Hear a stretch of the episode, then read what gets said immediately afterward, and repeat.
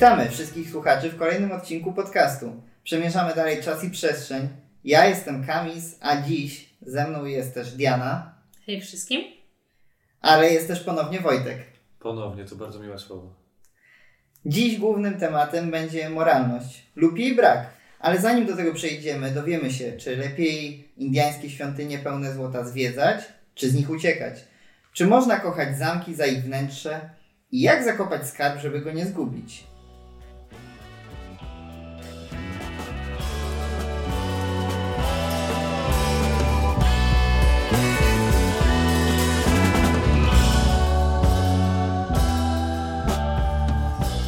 Tak się składa, że dzisiaj też znowu udało nam się tuż przed nagraniem podcastu zagrać w grę. I tym razem to była ucieczka Świątynia Zagłady. Gra bardzo ciekawa, ponieważ jest bardzo rzadkim reprezentantem gier w czasie rzeczywistym.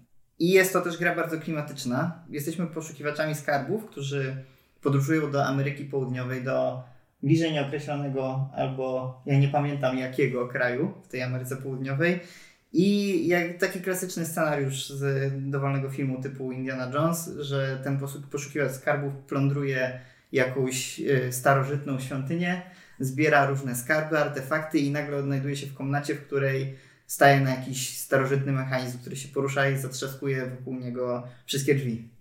I teraz nagle musi uciec z tego. I robi to właśnie w czasie rzeczywistym, z pomocą kości. Ale może zacznę od pytania Ciebie, Diana, bo Ty grałaś w tę grę pierwszy raz. Czy podobało Ci się?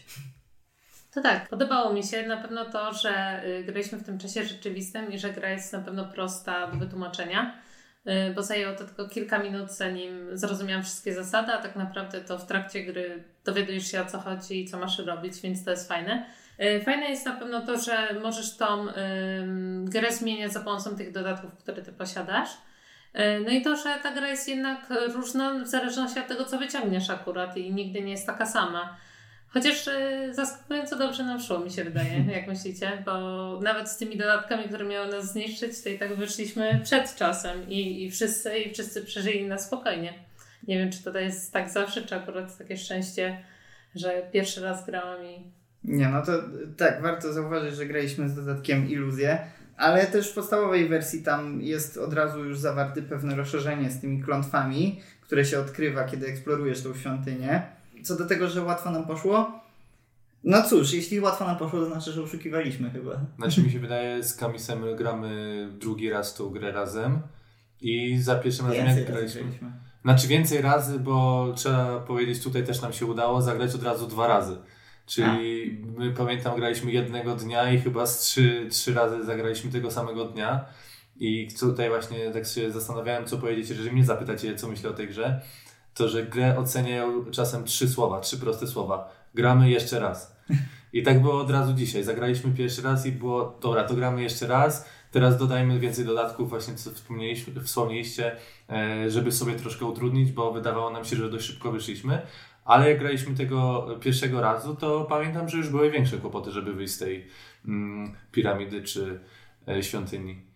No mam wrażenie, że dzisiaj byliśmy dość dobrze zorganizowani i chyba czym mniej graczy, tym łatwiej się tak dobrze zorganizować.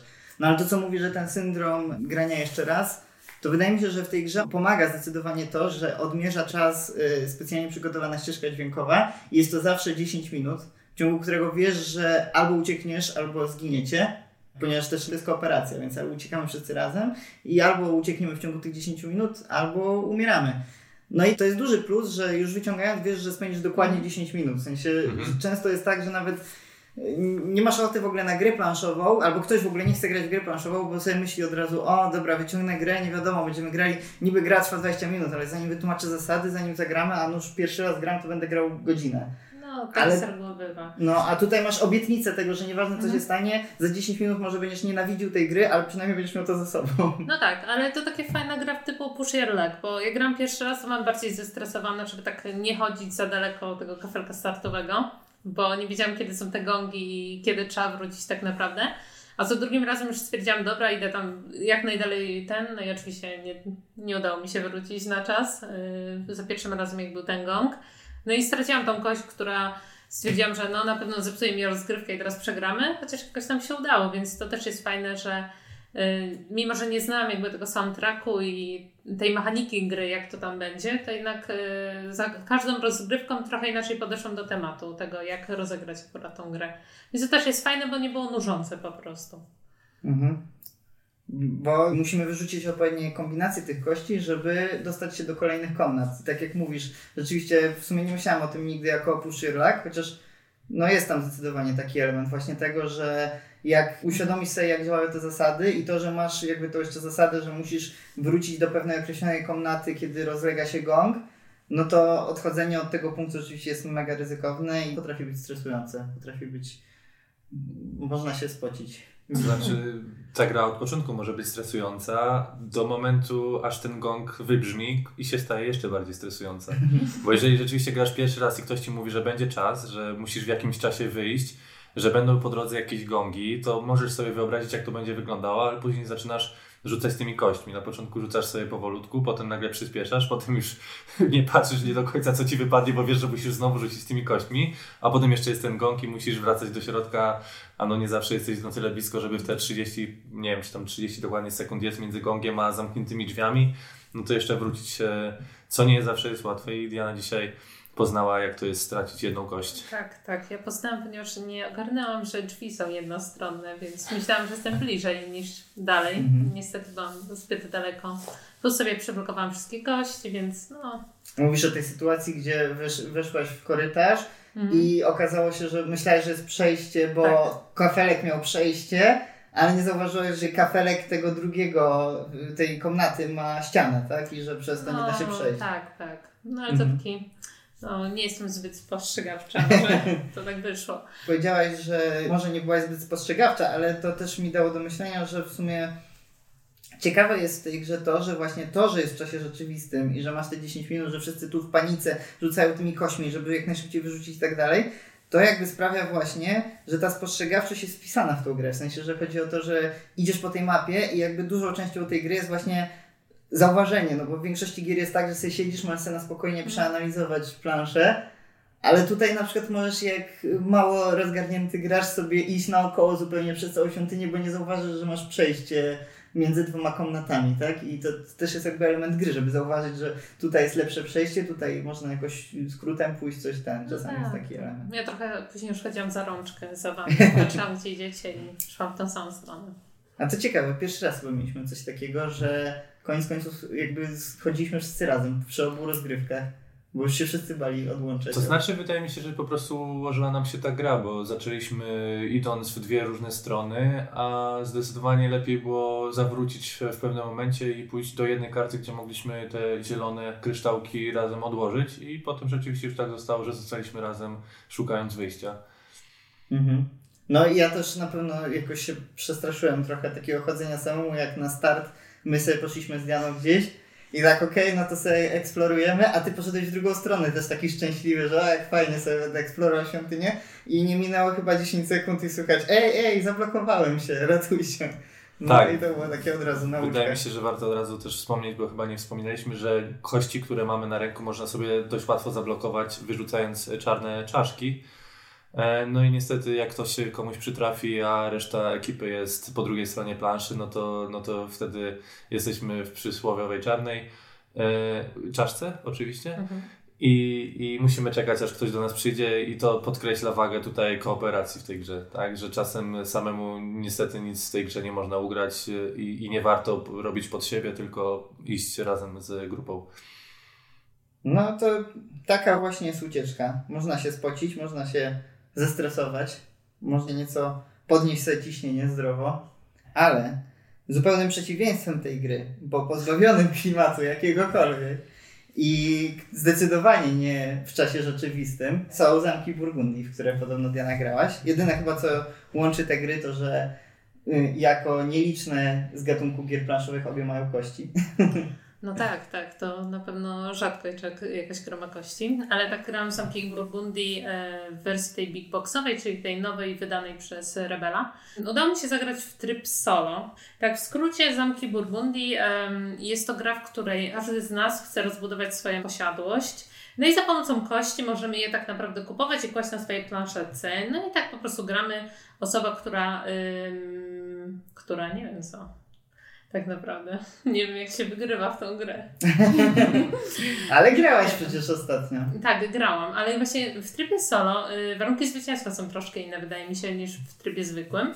No ale ktoś na pewno wygrywa grę zwykłą, przyjmijmy taką zależność. Jeżeli chodzi o tryb solo, w trybie solo nie ma, tak jak w większości gier w trybie solo, że trzeba osiągnąć jakąś określoną liczbę punktów. Y, tutaj jest trochę to inaczej rozwiązane. Y, mamy taką zależność, że w ciągu 25 rund musimy wypełnić całą swoją planszetkę gracza po prostu. Jeżeli ją wypełnimy, obędzie w którym momencie do końca gry, to wygrywamy. I tak się po prostu wygrywa tą grę. Co no to już wiemy, jak się wygrywa tryb solo. A w międzyczasie może Diana sobie przypomni, jak się wygrywa wersję zwykłą i dodamy to później w komentarzu. Tak. A może wy nam powiecie w komentarzu, jak się wygrywa wersję zwykłą. Właśnie, wypadło mi to totalnie z głowy, ale w trybie solo grałam dwa razy. Za pierwszym razem przegrałam. Po prostu też się uczyłam, zauważyłam, że popełniłam kilka błędów, które później naprawiłam już e, grając drugi raz. E, no i grając drugi raz wygrałam. Udało mi się uzupełnić e, swoją planszetkę tak naprawdę za pomocą kilku ruchów, e, dlatego że jest tam taka mechanika, że jeżeli uzupełnisz wszystkie pola w danym kolorze, to możesz zebrać dodatkowy kafelek, który od razu kładziesz na swojej planszetce, czyli taki bonusowy i przez to możesz uruchamiać taki mechanizm kombowania, jak w grach komputerowych. Więc robiłam te kombo i mi się udało wygrać grę przed czasem zdecydowanie. I nie wiem, czy to jest po prostu szczęście, że akurat tak, tak mi dopasowały te kafelki, czy nie, ale stwierdzam, że tryb solo jest naprawdę ciekawy, jeżeli chodzi o granie samemu w gry, co jest pewnie popularne teraz, jeżeli siedzimy w domu, ale tak naprawdę wcześniej nie sądzę, żeby wiele osób grało w ten tryb, y, w tą grę. No bo ogólnie bardzo dużo się słyszy o tej grze, ona ma dość dobrą prasę. Nie miałem niestety nigdy okazji zagrać, więc hmm. powiedz Diana, co sprawia, że ta gra jest tak popularna? Czy to są te kombosy właśnie, które są takie satysfakcjonujące, wydaje czy tam jest coś jeszcze takiego, mhm. co jakoś bardzo wyróżnia? Nie, wydaje mi się, że jest to gra strategiczna, ale nie jest ona aż tak trudna i wydaje mi się, że przez to, że losowość nie jest aż taka duża, ponieważ możesz manipulować tymi wynikami na kości, to też nie jesteś taki, no nie, no przegram przez to, że ciągle źle wyrzucam, więc to też jest fajne w tej grze. E, nowa wersja jest równie brzydka jak tamta, bym powiedziała. E, więc e, wiele osób mówi, że jest brzydsza, dużo osób mówi, że jest ładniejsza. To, to jest opinia już podzielana? Ciężko, nie? ciężko powiedzieć, bo widziałam różne opinie na temat tej gry, ale... Mi się pudełko podoba. Widzę, ja mam je przed sobą, stwierdzam, że nowe pudełko mi się podoba. No pudełko jest ładne, ale gra w środku, nie patrzyłeś, to, to nie wiesz, musisz sobie spojrzeć. Ale y, to nie jest taki przypadek jak z Brasem, że pierwszy Bras, a Bras y, Birmingham czy... Y, ten pierwszy obraz, y, to który wyszedł na Kickstarterze. jak to się zastanawia.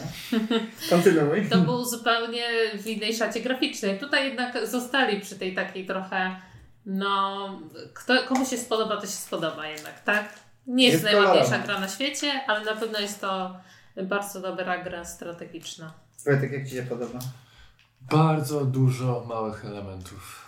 Jestem ciekaw, e, jak widzę zawsze dużą ilość małych elementów, to jestem ciekaw, jak w tym wszystkim się połapać.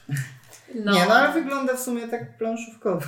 W sensie, nie, nie wiem, czy miałbym coś ciekawego do powiedzenia tej oprawie, ale nie, nie odpycham mnie. No tak, wydaje mi się, że jak ktoś w ogóle się decyduje na jakąś wersję, czy kupić starą, czy nową, to jednak bym polecała tą nową, ponieważ jest tu dodanych kilka takich mniejszych dodatków, które, czy to nowe kafelki, czy to właśnie ten tryb solo, które jednak urozmaicają rozgrywkę. Jak ktoś już takim jest ekspertem w tej podstawowej, no to jednak może trochę coś dodać do tej gry, żeby jednak y, zwiększyć sobie poziom trudności, czy trochę urozmaicić tą rozgrywkę, więc zdecydowanie bym polecała tą wersję big boxową, która jest y, droższa, ale wydaje mi się, że też y, po prostu bardziej będzie trzymała cenę w przyszłości, ponieważ więcej mm. ludzi będzie po prostu szukało już tej nowej wersji. Jak mówię jeszcze słowo o oprawie, to doceniam na pewno to, że oprawa jak samego pudełka fajnie współgra z tym, że to jest, bo z tego co mówisz tak jest rzeczywiście, że to jest dość abstrakcyjna gra. I w sumie jak masz jakieś takie bardzo klimatyczne grafiki, to to sugeruje, że tam nie wiadomo co się będzie działo, jakieś przygody czy coś. A tutaj widać, że, widać, jak, że to jest jak, abstrakt. Jak zaczarowana księga, dosłownie. Znaczy, yy, nie, osobiście nie poznałem jeszcze tej gry, dopiero dzisiaj pierwszy raz o niej słyszę i patrząc na pudełko, kupiłbym pudełko. W sensie naprawdę... Wyrzucił środek i trzymał tam e, ciasteczko. Mówię wprost, nie znając gry e, od środka, nie, nie czytając e, o niej i teraz słuchając, to na pewno gdybym poszedł do sklepu i, i zobaczył ją na, na półce, to bym się zainteresował. Ją zobaczył, bym ją obejrzał mm, bo, bo zewnętrznie się bardzo mhm. fajnie prezentuje. Mm, teraz mnie ciekawi druga kwestia, bo jako tutaj najmniej doświadczony gracz, nie spotkałem się z grami tak rozbudowanymi dla jednej osoby. Żeby rzeczywiście można było usiąść i, i, i w nią zagrać, to, to też naprawdę jest e, zastanawiające i ciekawe, więc e, ja jestem przekonany, wszystkim, co powiedzieliście. Od tego, że pudełko jest piękne, poprzez to, że jest w środku bardzo brzydka, jak nie najbrzydsza i można grać zagrać samemu. Wiesz, jest taka teoria, że czym brzydsza gram, tym lepsza. W sensie no. chyba ludzie, którzy lubią abstrakty i takie bardzo mózgożerne gry, to mhm. często podzielają takie przekonanie, że dobra gra to jest taka, że patrzysz i ci oczy łzawią i to znaczy, no, to że to też, będzie dobra to gra. tak y, bardzo często jest, wydaje mi się, z tymi takimi grami wojennymi, że one takie zero kolorów, wiesz, tylko mm, taka czysta strategia Y, no ale mechanika, nie? I ta cała grywalność jest jakby hmm. najważniejsza. No są gry na pewno z brzydszą okładką. Nie wiem, czy, y, czy gra, o której wcześniej wspomnieliśmy, nie ma jednak brzydszej okładki. kontrowersyjna opinia. Plus oczywiście y, Indiana Jones, który nie jest Indiana Jonesem. I tutaj mi się przypominają oczywiście Amazonki, gdzie jest Lara Croft i Nathan Drake bez licencji. Chociaż jak spojrzysz, to od razu wiesz, kto to jest tak naprawdę. Mi się podoba wydanie ucieczki, chociaż ma taki rzeczywiście trochę sznyt z dawnej niemieckiej gry. W sensie, że taki, taki właśnie randomowy, tutaj jakiś. No, nie wnikajmy. Pewnie, ale na pewno y, jak ktoś zagrał już w Zamki Burgundii yy, taką grę wieloosobową, czyli w kilka osób, wydaje mi się, że przejście do trybu salo nie jest y, jakieś bardzo skomplikowane, bo jednak Mechanika gry jest ta sama, zmienia się kilka drobnych zasad, które trzeba zapamiętać. Podejść do tego tak, że nie gramy tak jak zwykle, ale jednak y, próg wejścia nie jest jakiś dramatyczny, tak? Mhm, mhm. No więc y, przechodząc od gry, y, o której Wojtek wie bardzo mało, do gry, o której wie trochę więcej. Słyszałem Wojtek, że ostatnio sporo grałeś w wyprawę do Eldorado. Tak. Czy to prawda? Tak, to prawda. Czy odkryłeś ostatnio, Eldorado? Ostatnio jest e, to na, na pierwszym miejscu mojej listy grania e, ze znajomymi.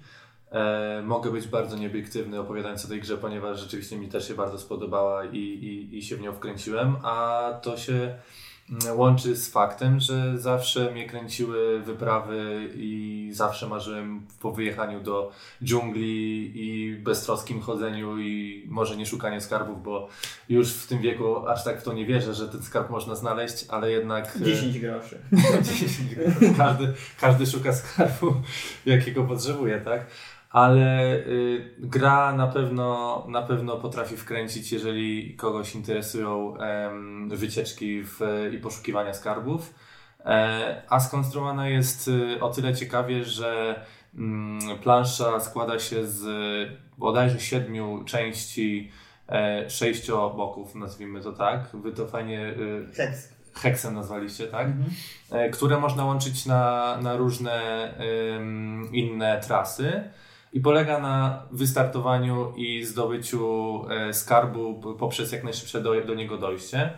E, gra jest dla od dwóch do czterech osób. E, różni się tym, że w dwie osoby gra się dwoma pionkami, a w trzy, trzech i czterech osób każdy ma jeden pionek. A jak się podróżuje? Podróżuje się za pomocą różnych kart.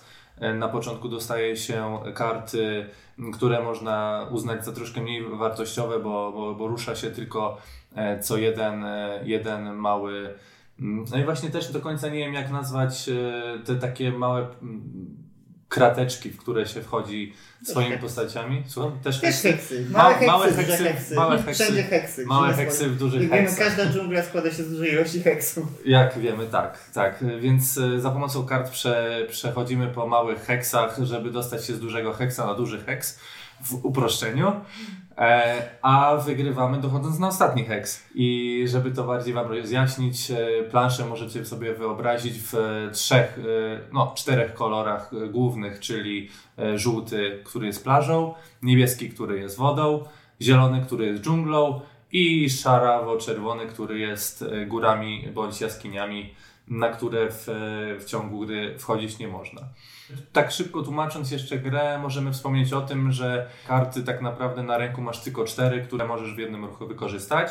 A żeby je wykorzystać, to patrząc na planszę, idziesz kartą zieloną na pole zielone, kartą żółtą na pole żółte, kartą niebieską na pole niebieskie. To jest kwestia ruszenia się w przód, a za pomocą tych kart możesz też kupować karty te bardziej wartościowe, które pozwalają Ci w przyszłości ruszyć się o dwa pola, o trzy pola lub e, wejść na cięższe do zdobycia miejsce, które na przykład jest warte trzy zielone.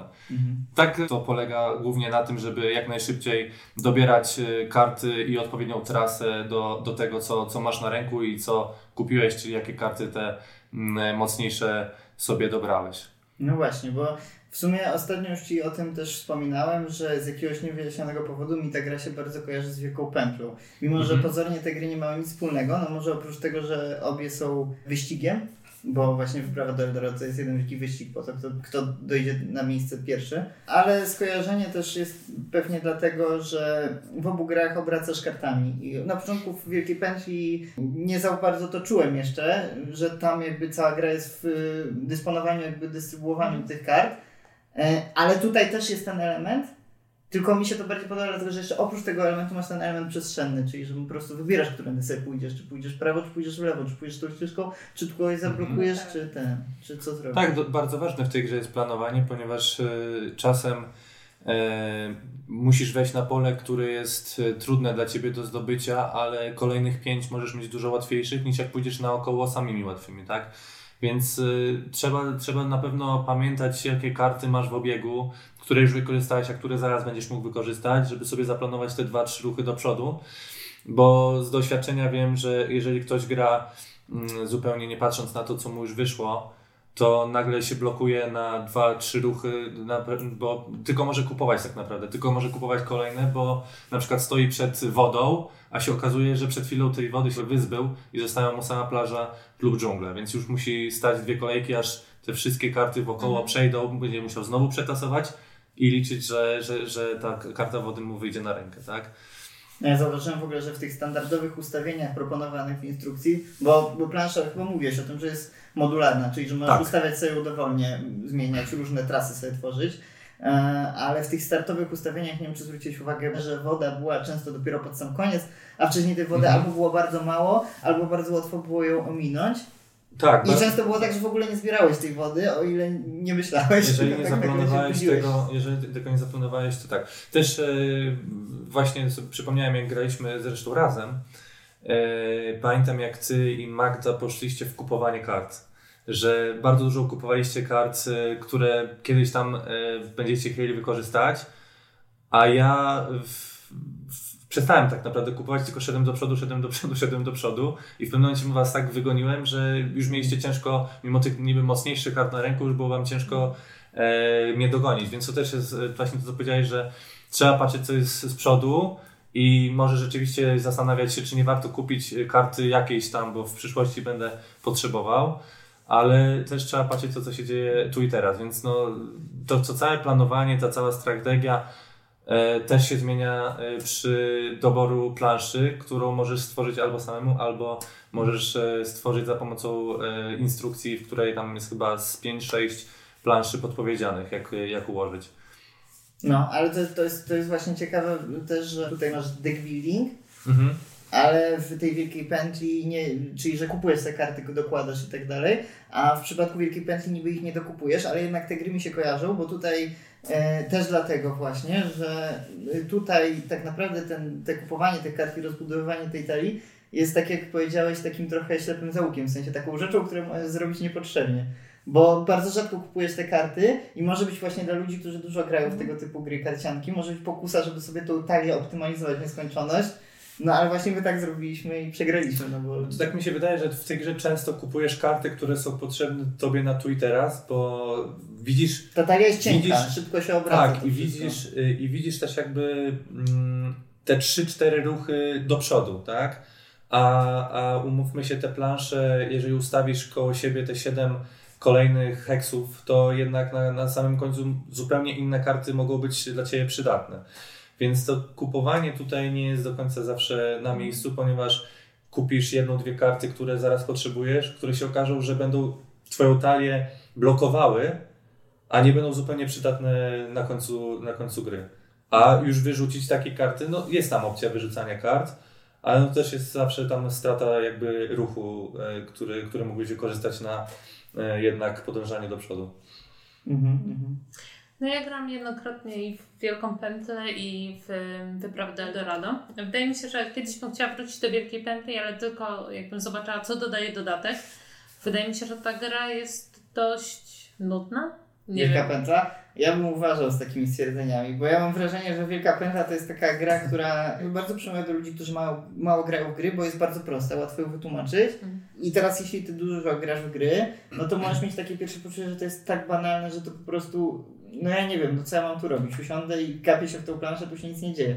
Ale potem zagrasz więcej i odkrywasz, że tam można naprawdę sporo rzeczy sobie policzyć, przewidzieć i ona wtedy jakby przeskakuje, nie wiem czy ty też tak masz, ale czasami gra przeskakuje w taki tryb, że jestem świadom jak prosta ta gra jest i że tu nie ma jakiegoś dużo głębszego dna, ale mam przyjemność z tego, że, potra- że mogę jakby sobie bawić się w to odgadywanie i kalkulowanie, co się wydarzy. Nie? Właśnie nie wiem, czy my wspólnie nie graliśmy po raz pierwszy na Pyrkonie, jak przedstawiali tą grę. Mhm. E, I wydaje mi się, że wtedy graliśmy ten taki podstawowy scenariusz, czyli był najprostszy tor, żeby poznać w grę. tam pan, który nam tłumaczył zasady, którego serdecznie pozdrawiamy, źle nam wytłumaczył zasady, ale to mogło wpłynąć na odbiór mo, Mogło wpłynąć dlatego na moją ocenę tej gry. Wiem, że wyszedł dodatek. Ciekawe, co on dodaje.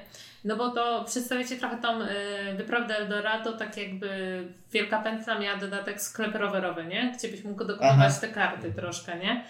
Y, w wyprawie do Eldorado też gramy raz, y, przedstawiał ją y, mój kolega mi.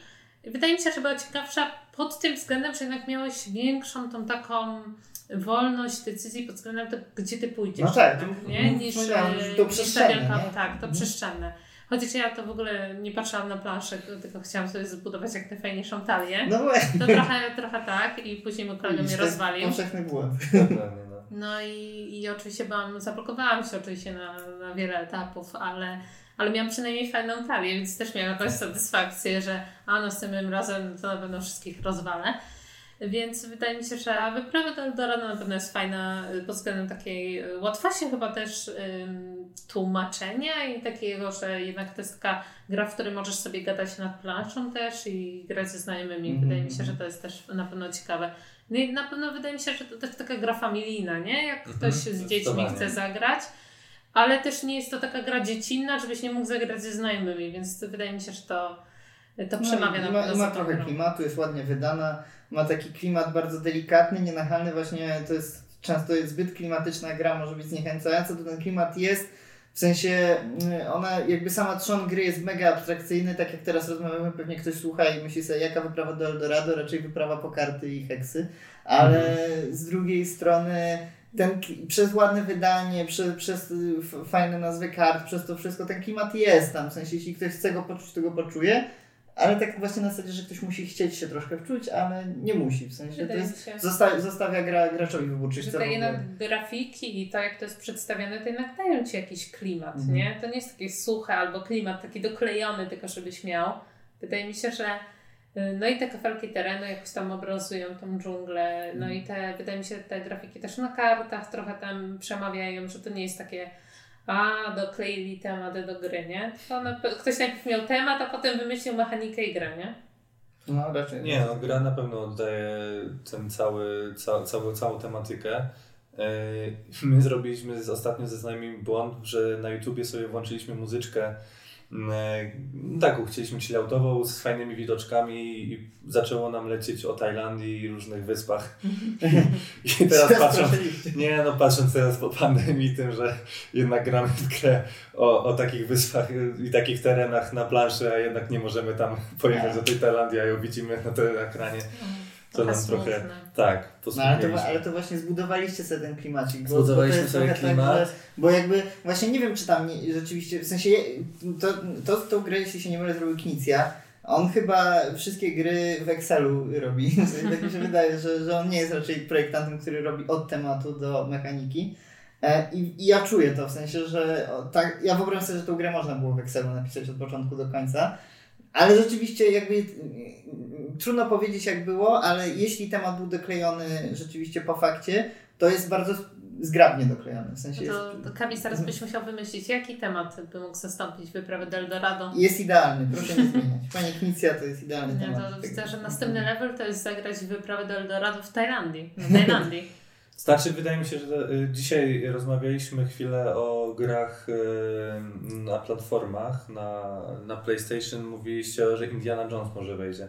I to troszkę też tak brzmi, że mechanika pewnie będzie podobna do Uncharted, do Tomb Raidera, czy do innych, A, że, że możesz podmienić. No. Że możesz podmienić tylko grafikę i tak naprawdę pojedyncze historyjki, ale tak będzie podobnie się grało. Ale myślę, że to buduje bardzo często gry, bo jednak y, ktoś y, w głowie zawsze ma pomysł, co by chciał zagrać, gdzie by chciał się odnaleźć, każdy miał inne marzenia z dzieciństwa, a myślę, że takie Eldorado to jednak każdy jak był dzieciakiem, to, to marzyło mu się taka wyprawa, marzyło mu się, marzyło mu się odnalezienie jakiegoś skarbu. Zresztą była przecież e, była bajka, na pewno był film chyba, e, gdzie myślę, że dużo osób oglądało, więc jednak to jest jakaś tam powrót do, do, pamiętam, do tych... Pamiętam tą bajkę, nawet grałam w grę, pamiętam. O, właśnie była gra do tej, do tej no. bajki, no. no. Pamiętam, że ta bajka nie była jakoś wielkim e, hitem wytwórni, ale pamiętam, że mi się podobała. Mhm. a wracając do okładki, wydaje mi się, że w naszym zestawieniu dzisiejszych okładek, no to y, ja bym postawiła na drugim miejscu, bo na pewno ta pierwsza gra. Mówisz o wyprawie do Eldorado? Mhm. W sensie, że jeszcze brzydsza jest. Nie, że zamki Burgundii mają najładniejszą okładkę i bym na drugim miejscu postawiła wyprawę do Eldorado. Nie no, nie podzielam tej intuicji. Mi się podoba okładka yy, wyprawy do Eldorado. A przechodząc dalej, też jeszcze bardziej, nie wiem czy bardziej, ale porównywalnie bardzo, a może i bardziej, podoba mi się okładka Wyspy Skarbów, którą ostatnio miałem okazję całkiem sporo grać. Jest to też gra, która jest jeszcze bardziej klimatyczna y, od y, wyprawy do Eldorado. No i przenosi nas w nieco podobny świat, bo też jesteśmy w dżungli, też jesteśmy cwaniakami, też próbujemy przechytrzyć innych graczy, zablokować ich, e, w jakiś sposób poszukać ponieważ gra jest oparta na y, słynnej powieści o tym samym tytule Wyspa Skarbów. I zależnie od tego, którym jesteśmy graczem, to wcielamy się w różne postaci. Możemy się wcielić tam na przykład w postać z tej powieści imieniem Long John Silver. I ten oto Long John Silver zakował swój skarb i jednocześnie został pojmany. Y, muszę się przyznać, że niestety nie czytałem Wyspy Skarbów, więc opieram się tylko i wyłącznie na tym, co się dowiedziałem z gry.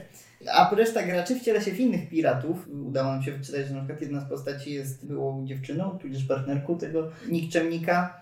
E, I ci wszyscy piraci, jak to piraci, próbują ten skarb znaleźć na wyspie.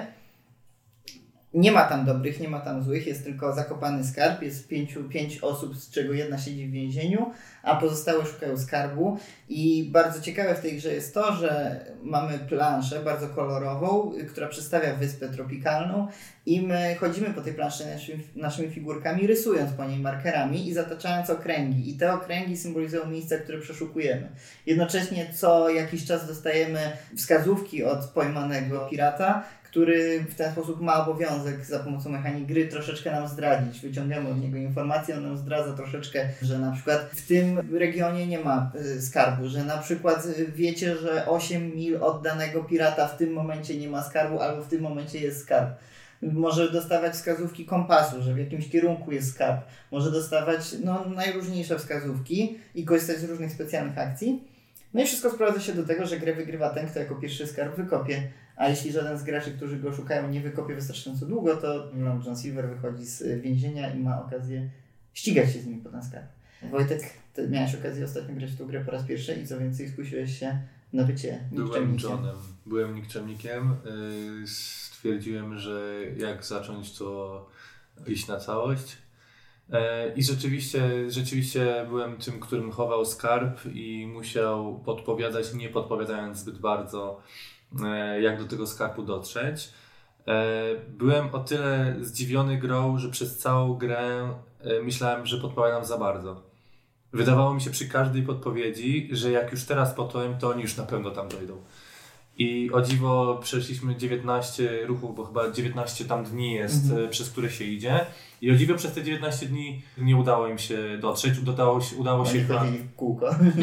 Chodzili w kółko, chodzili bardzo blisko tego miejsca, ale nikt nie, nie, jakby nie spróbował w tym miejscu szukać tego skarbu, tylko przychodzili obok niego Ja już się pociłem. Już mówiłem, oj, to już koniec. Chodzili obok tego miejsca, bo bezczelnie zakopałeś skarb na samym środku wyspy. Dokładnie, to był mój Ale cel. Jak najciemniej pod latarnią. no. Y, Wziąłem dosłownie linijkę, przy, zrobiłem krzyż y, przez całą planszę i w, w środkowym punkcie zakopałem skarb.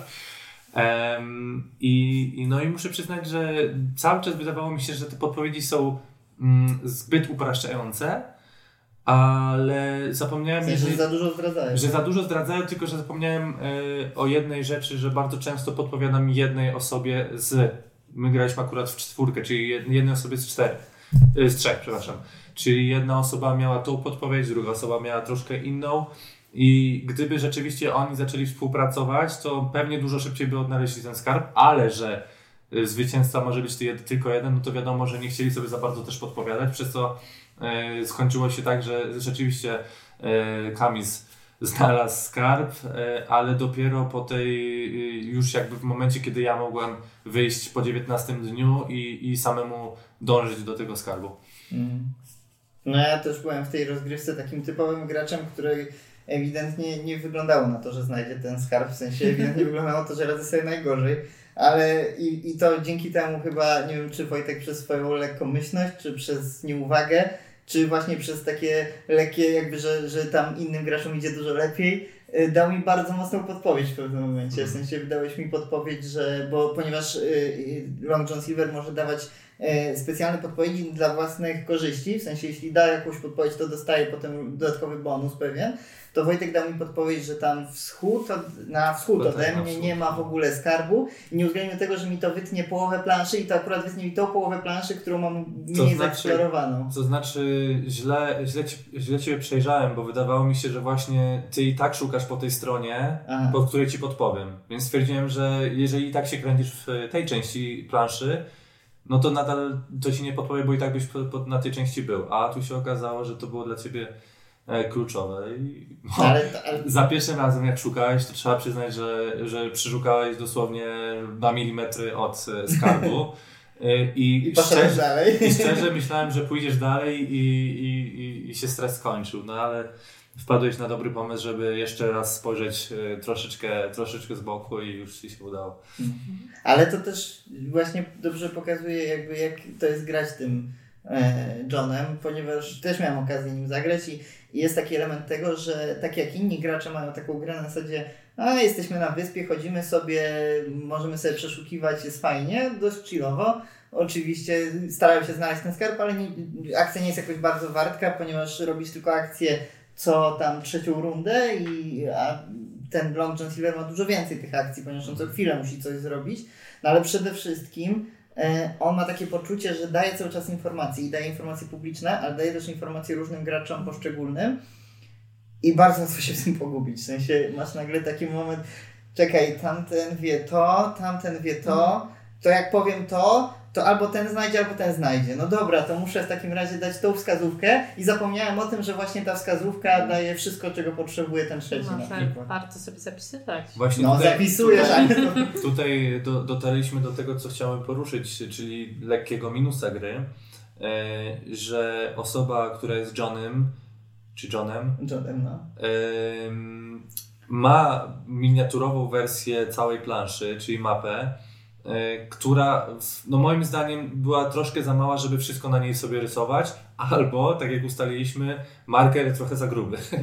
I niestety, jak próbowałem sobie mniej więcej rozrysowywać, kto jaki podgląd ma na planszy, kto już co wie, no to, to dość szybko zaczęło to się zacierać i, i zresztą Kamis przed początkiem gry mówił, zapisuj sobie, ale nie jak najwięcej, bo sobie zaraz zamarzysz całą planszę.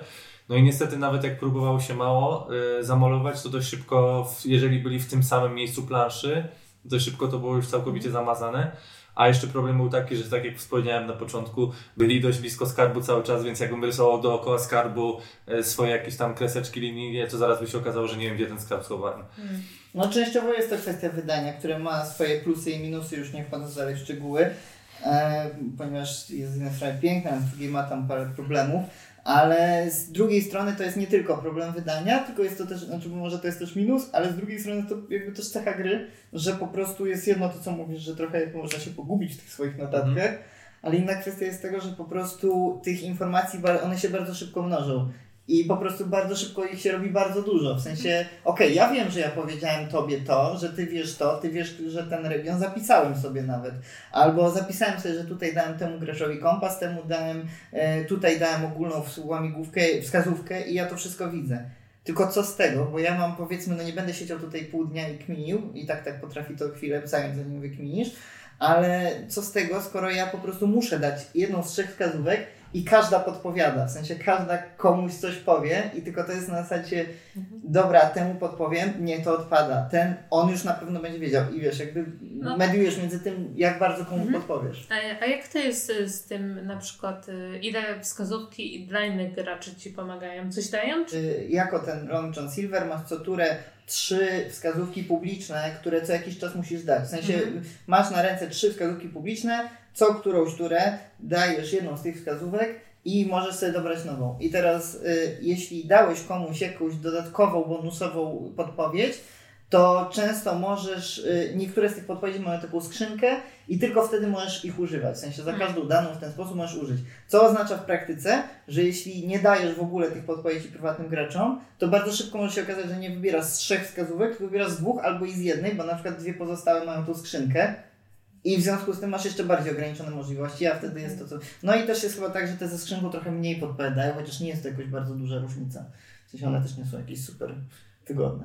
To znaczy, o tyle te, te podpowiedzi utrudniają sprawę, że dość szybko mm, mówisz y, współgraczom, gdzie skarbu nie ma, i często to bardzo dużą część planszy mogą sobie od razu wykreślić i wiedzą, że w tamtą stronę w ogóle nie iść, tak? Mhm. I są te kompasy, które y, nie pamiętam na ile, na 8 części są podzielone, czy, czy na 6 E, z których dwie od razu jednemu graczowi wykreślasz, czyli on już, e, już wie, że jakby z dwóch ósmych już na pewno tam nie ma skarbu. Dodatkowo na początku wie, w której części plansza jest podzielona na regiony mhm. i na początku planszy nie wie, że wie, że w danym regionie na pewno też skarbu nie ma. Jeden z tych regionów masz na start każdy z graczy. Więc, no. więc w pewnym momencie naprawdę to się zaczyna zawężać, a jeszcze dodatkowo jak e, może nie zapomnisz, ale gdzieś ci umknie komu co dałeś albo co kto wie, to, to, to już jest no. coraz Nawet jak masz notatki, co z tego, że tak. mam, jak mam tutaj 10 rzeczy wypisanych, tu mam na mapie porysowane, tutaj coś dałem,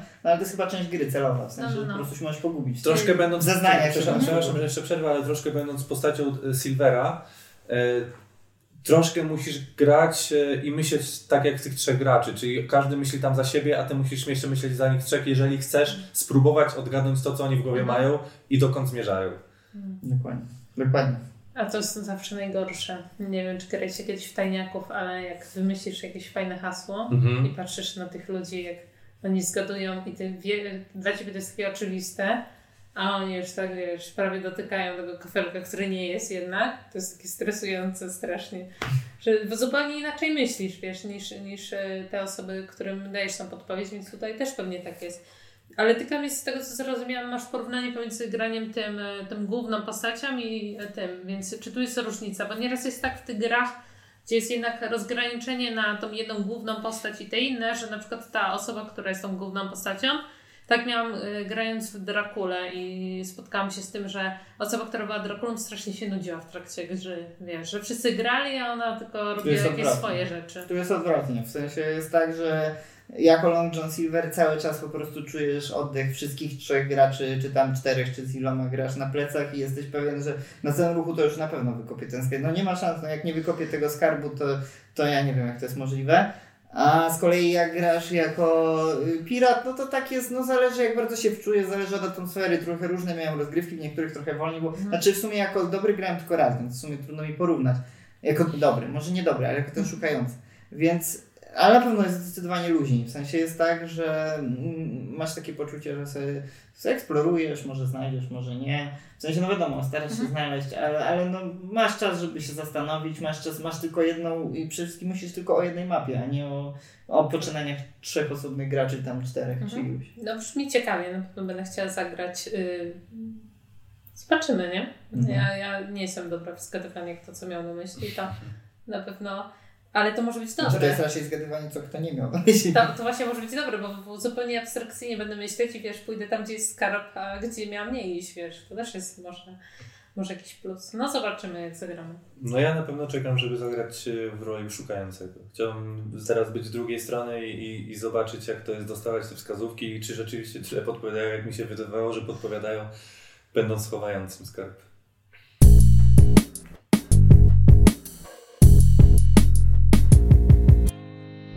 To chyba już czas przejść dalej do tematu dzisiejszego odcinka. A tematem dzisiejszego odcinka, jak wiecie już, jest to, jak przenosimy moralność i sumienie do gier planszowych i ogólnie do, do sztuki też, ale do gier głównie, bo rozmawiamy tutaj o grach.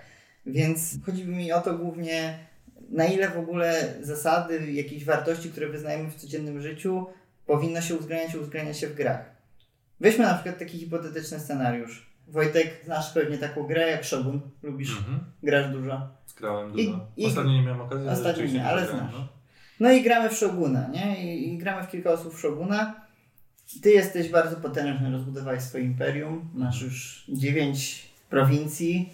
Zaraz będziesz kończył grę. Jedyne co musisz pokonać swojego konkurenta, który cię tam ściga na, za plecami. Ale obok ciebie siedzi osoba, która ma ostatnie dwie prowincje, ostatnią baryłkę ryżu, ledwo wszędzie, w ogóle już prawie płacze. No i pojawia się sytuacja, w której możesz zająć tą prowincję i możesz zniszczyć tą osobę do końca i dzięki temu wygrasz grę. No i jestem w kropce. Bo to wszystko zależy od sytuacji, od gry i od osoby tak naprawdę, bo y, ja mam taki charakter, że bardzo często gram bez sentymentów i zresztą się śmieję, bo dobrze, że poruszyliśmy ten temat, bo ostatnio grywam często z, mm, z bratem dziewczyny, który ma, no, kończy zaraz 8 lat i gramy w taką grę od, pod tytułem Zero. Yy, I on ma taki charakter, że bardzo często chce pomóc. Jak widzi, że mu nie idzie, to on zawsze tak, mm, co tam potrzebujesz, co tam potrzebujesz i, i wyłożyć tą kartę, żebyś ty przynajmniej wygrał. A ja zawsze mu powtarzam, nie Mikołaj, zero sentymentów zero sentymentów gramy, żeby wygrać. I ja y, może przez to, że, że kiedyś uprawiałem dużo sportu, trenowałem i byłem uczony tego, żeby jak już grasz, jak już wychodzisz y, do gry, to grasz na maksa i nie patrzysz, czy grasz ze słabszym, słabszym y, czy, czy młodszym, czy z chłopakiem, czy z dziewczyną. Po prostu grasz, żeby wygrać. Aczkolwiek czasem mam tak, że już naprawdę nie jestem w stanie zniszczyć kogoś. Więc to jest naprawdę wszystko zależy, zależy od sytuacji, w jakiej się znalazłem, jaki mam humor danego dnia. Mhm. Ale y, myślę, że częściej ja na przykład osobiście w takie gry gram, żeby wygrać, więc nie mam zupełnie problemu, żeby kogoś wykończyć, jeżeli trzeba. Mhm. No. No. Ale no, najgorzej to jest jak y, tą postacią, którą ty opisujesz, co jest, y, co jej tak słowo idzie, jest twój chłopak albo dziewczyna to później, wiesz, te konflikty przykładają się nieraz na życie realne albo w drugą stronę, czy zniszczyć, Albo w drugą nie. stronę, jak się ktoś podkłada specjalnie, tylko A, dlatego, żeby nie potrwać. To a to wtedy dla wszystkich innych jest straszne. To też, ale właśnie y, tak podobnie do tej sytuacji gram, y, kiedyś uczyłam się grać w Dominant Species. No i tam grał właśnie chłopak z dziewczyną. I była taka sytuacja, że ten chłopak wykonał jakiś ruch, gdzie musiał coś zniszczyć. No i, i tak patrzyłam na planszę i mówię, no to najbardziej logiczny ruch to jest zniszczyć te o, jego dziewczyny, nie? Czy powinien ją zniszczyć? A on nie chciał zniszczyć swojej dziewczyny, więc zniszczył tak zupełnie, wiecie, nielogicznie jakiejś tam mojej koleżance i jej zepsuł tak grę, że przez 5 godzin musiała siedzieć przy tym stole i nie mogła nic zrobić. Nie podobała jej się gra jak cholera. I już nigdy do tej gry nie wróci tylko przez to nielogiczny ruch tego chłopaka, który po prostu nie chciał zepsuć gry swojej dziewczynie, więc no nieraz tak jest. No ale właśnie, no bo teraz wskazujesz jakby na chyba sedno tego problemu, że masz te dwa aspekty. Z jednej strony po to kurczę grasz w grę, żeby zawiesić jakieś zasady, żeby trochę mhm. sobie poeksperymentować, żeby się pobawić, żeby móc się może nawet wyżyć albo zrobić po prostu coś innego, bo to jest zabawa, to jest właśnie taka przestrzeń mhm. bezpiecznej działania. Ale z drugiej strony, no właśnie może zależy z kim grasz, bo jak wiesz, że ktoś się popłacze, to tak troszkę słabo, w sensie są tak. chyba ludzie, którzy średnio znoszą. No ja szczerze uwielbiam wbijać ten nóż w plecy. Szczególnie jak są te gry, gdzie możesz się w, w taki... Ja na przykład w życiu realnym nie byłabym nigdy zdrajcą, ale jak już w grze jest zdrajca, to uwielbiam nim być, tak hipotetycznie. I wtedy nie mam sentymentów, żeby komuś wbić nóż w plecy albo udawać mhm. się taką dobrą przez całą grę, gdzie wszyscy mnie lubią i o, jak Diana fajnie gra i nam pomaga w tej kolonii na sam koniec. No tak, bo tam masz takie coś, że no zdradziłem się, ale no nie miałem wyjścia, takie były zasady mhm. gry, a co innego jak masz taką grę, w sumie tak jak Dominant Species, że no możesz niby zrobić coś mhm. innego, nie? Pytanie, czy ci się opłaci, nie? No tak, to, to zależnie, nie? To różnie bywa tak naprawdę. No wydaje mi się, że jakbym grała ze swoją mamą, to no, pomagałabym jej bardziej niż, niż ja niszczyła. Bym zrobiła wszystko, żeby ona wygrała, nie ja. No ale to, to chyba zależy tak naprawdę od tego, z kim gramy, wydaje mi się często. Jak gra z kimś, kto gra mało, to prawie zawsze chyba bezpieczniej jest jednak patrzeć na to, jak druga osoba reaguje, bo jak ktoś mało Zależy jaki masz plan, jeżeli chcesz zachęcić do grania, no to na pewno taka mhm. zwycięstwo... Pytanie, czy jest ambitna też ta osoba, nie? Też jest ambitna, ale też mi się tak wydaje, że jeżeli e, ktoś jest e, osobą, która z chęcią zagra, no to ta ambicja jakby odchodzi troszkę na drugi bok, bo zagra, bo mhm. lubi zagrać. A jeżeli masz taką osobę, która niekoniecznie jest przekonania do gier, przekonana do gier i tu nie chodzi o ambicje, tylko po prostu, że nie jest przekonana do gier planszowych i jeszcze przy pierwszej rozgrywce od razu zostanie zmieciona z planszy, mm. no to też może już drugi raz nie zagracie. Tak? Automatycznie tak? myślicie, nie dla mnie widocznie. Tak, tak. tak ja dlatego nie mogę zagrać w grę o Tron, bo moi znajomi grali w tą grę już kilkanaście czy kilkadziesiąt razy i ja wiem, że jakbym weszła do jej grona i oni by mi nawet wytłumaczyli te wszystkie zasady. To ja bym się już pogubiła na samym początku. I oni by mnie zniszczyli na samym początku, bo oni skrupułów nie mają. I przez te 7 godzin bym tam siedziała i po prostu patrzyła się na tą planszę i by, to nie byłby mój ulubiony czas w życiu i tego dnia. Więc ja się boję takich sytuacji, gdzie ja wiem, że ktoś jest taki, wczuwa się w grę, gra zawsze, żeby wygrać i od tego się często odbijam, że boję się zagrać taką grę przez to, że wiem, że by mi się nie podobało, bo bym przegrała, a bym przegrała dlatego, że też nie była tak zaznajomiona z grą jak inni, więc też często mam taką sytuację, że tak, to takie granie bez skrupułów też często prowadzi do tego, że ciężko wejść w taką grę, jeżeli ktoś grał dużo razy i to też jest y, druga strona tego medalu troszkę. No właśnie, a teraz jest pytanie, czy ci swoi znajomi by potrafili zmienić to, żeby specjalnie dla Ciebie zagrać gorzej, żebyś się dobrze poczuła, czy jednak to już jest tak y, gdzieś u nich w charakterze, że będą grali na, na, na 100%? No właśnie. Tak sobie teraz myślę, że na przykład taką grą, w którą wpisa, wpisana jest po prostu taka pełna rywalizacja, są szachy. W sensie, że ja osobiście dlatego bardzo się odbijam zawsze od szachu, że mam poczucie, że są możliwe tylko dwie sytuacje. Albo zacznę ćwiczyć tą grę tak, że będę w stanie z każdym wygrać i wtedy ta gra przestanie mieć sens, bo po prostu będę ze wszystkimi wygrywać Albo będę ze wszystkim przegrywać i będę czuł się jak nędznik. No bo z drugiej strony, bo, bo jakby w, to, w tej grze nie ma półśrodków, w sensie ciężko jakby e, odpuścić, bo to jest pojedynek, w którym po prostu grasz po to, żeby wygrać, nie? W sensie nie mnie, mnie nauczył Gambit Królowej, nie wiem czy oglądaliście, ale że jak dochodzisz do sytuacji, że już wiesz, że nie wygrasz, to podajesz rękę i się pytasz remis? No, tak. No to by było dobre rozwiązanie w wielu grach planszowych, ale no nie wiem. Ciężko powiedzieć. No ale tak naprawdę no, też dużo zależy jednak od tej gry, tak? Bo nieraz masz ta, czerpiesz taką satysfakcję z tego, że grasz do końca i kogoś zniszczysz, że to jest, nie możesz się opanować nieraz, nie? Że taki zrobiłeś mastermind i taki ruch genialny, że ty tak wiesz, się cieszysz, a ktoś się obraża, nie? Automatycznie, nie? Że go zniszczyłeś, ale no nieraz po prostu nie możesz się opanować, żeby wykonać ten ruch, no. Iku, niedawno graliśmy w Twilight Imperium i Paweł, y, nasz znajomy, e, tak jakby przez całą grę triumfował, znaczy właśnie nie do końca triumfował, ale na początku jakby był taki good guy, w sensie taki, że wszystkim tutaj pomóż ten, a potem poszły noże w plecy i jakoś tak mi wszedł na ambicje, że właśnie miałem to, co mówisz, że już pomyślałem, że albo umrę, albo go wykończę. Nie ma innej możliwości.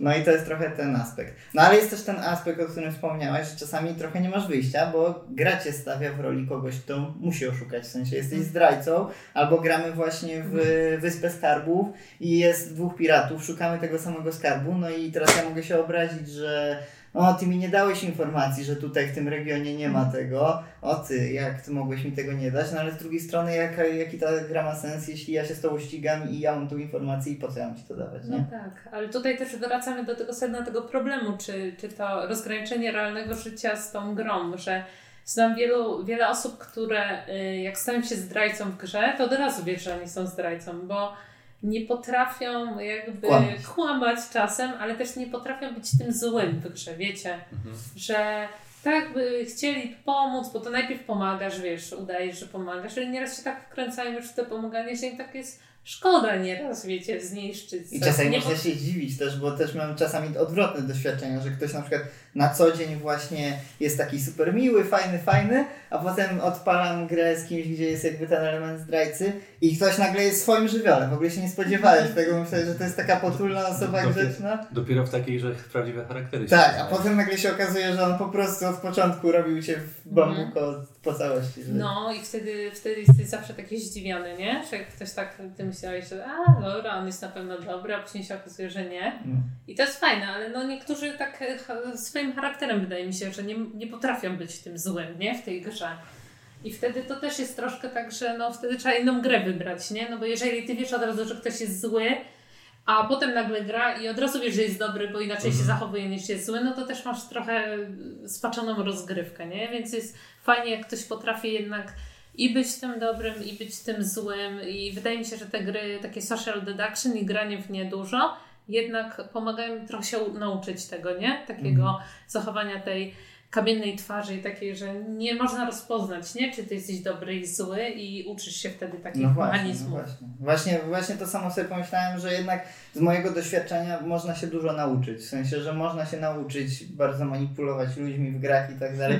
Pytanie, czy to dobrze. Nie wiem, czy chcecie umieć manipulować ludźmi, ale jeśli chcecie, to gry planszowe są dobre do tego. Więc na przykład mi od razu przychodzi na myśl gra, którą wszyscy znamy i chyba lubimy, czyli Secret Hitler. I jeden z wyjazdów, kiedy ze znajomymi pojechaliśmy w góry i graliśmy po prostu w tą grę praktycznie dzień po dniu, nawet po kilka razy. I było tak, że na początku jeszcze tam niektóre osoby to takie były, że no tutaj, no oszukam, ale tak trochę widać, trochę nie ten, ale pod koniec, po tych kilkunastu rozgrywkach, to już było takie po prostu już taka banda cyników, tacy siedzą i po prostu każdy kamień na twarz, nikt nic nie wiadomo co powie. I już po prostu nóż za nożem w plecy, zero jakiegokolwiek odruchów ludzkich, czy czegokolwiek, czy sumienia no właśnie, zero sumienia. I to było, doszło do takiego momentu, że zdrady szły tak bezczelne i tak po prostu ostre, że na koniec stwierdziliśmy, że słuchajcie, chyba musimy za dwa albo trzy miesiące zrobić odgranie. Ja pamiętam właśnie podczas gry w Secret Hitlera wykusiłam swój najdłuższy monolog w trakcie gry, który trwał chyba z 45 minut, argumentujący, tak? argumentujący czemu nie jestem e, zła, czemu nie jestem Hitlerem. Po czym i tak mi nie uwierzyli. I pamiętam, że musiałam aż się przewietrzyć dochodząc z lokalu, bo już była pierwsza w nocy, ja już byłam taka zmęczona, mówiąc, no nie mogę być zła, no nie mogę. Ale przez to, że tak często kłamię w tych grach, tak często jestem zła, nikt mi po prostu nie uwierzył. Więc to było trochę smutne. Mm -hmm. Już byłam taka, wiecie, już chciałam tutaj wszystkim udowodnić, że jednak jestem dobra. I być taka good guy, i, no, ale nie wyszło. No. no Nieraz ten taki... charakter się przekłada na te gry, no.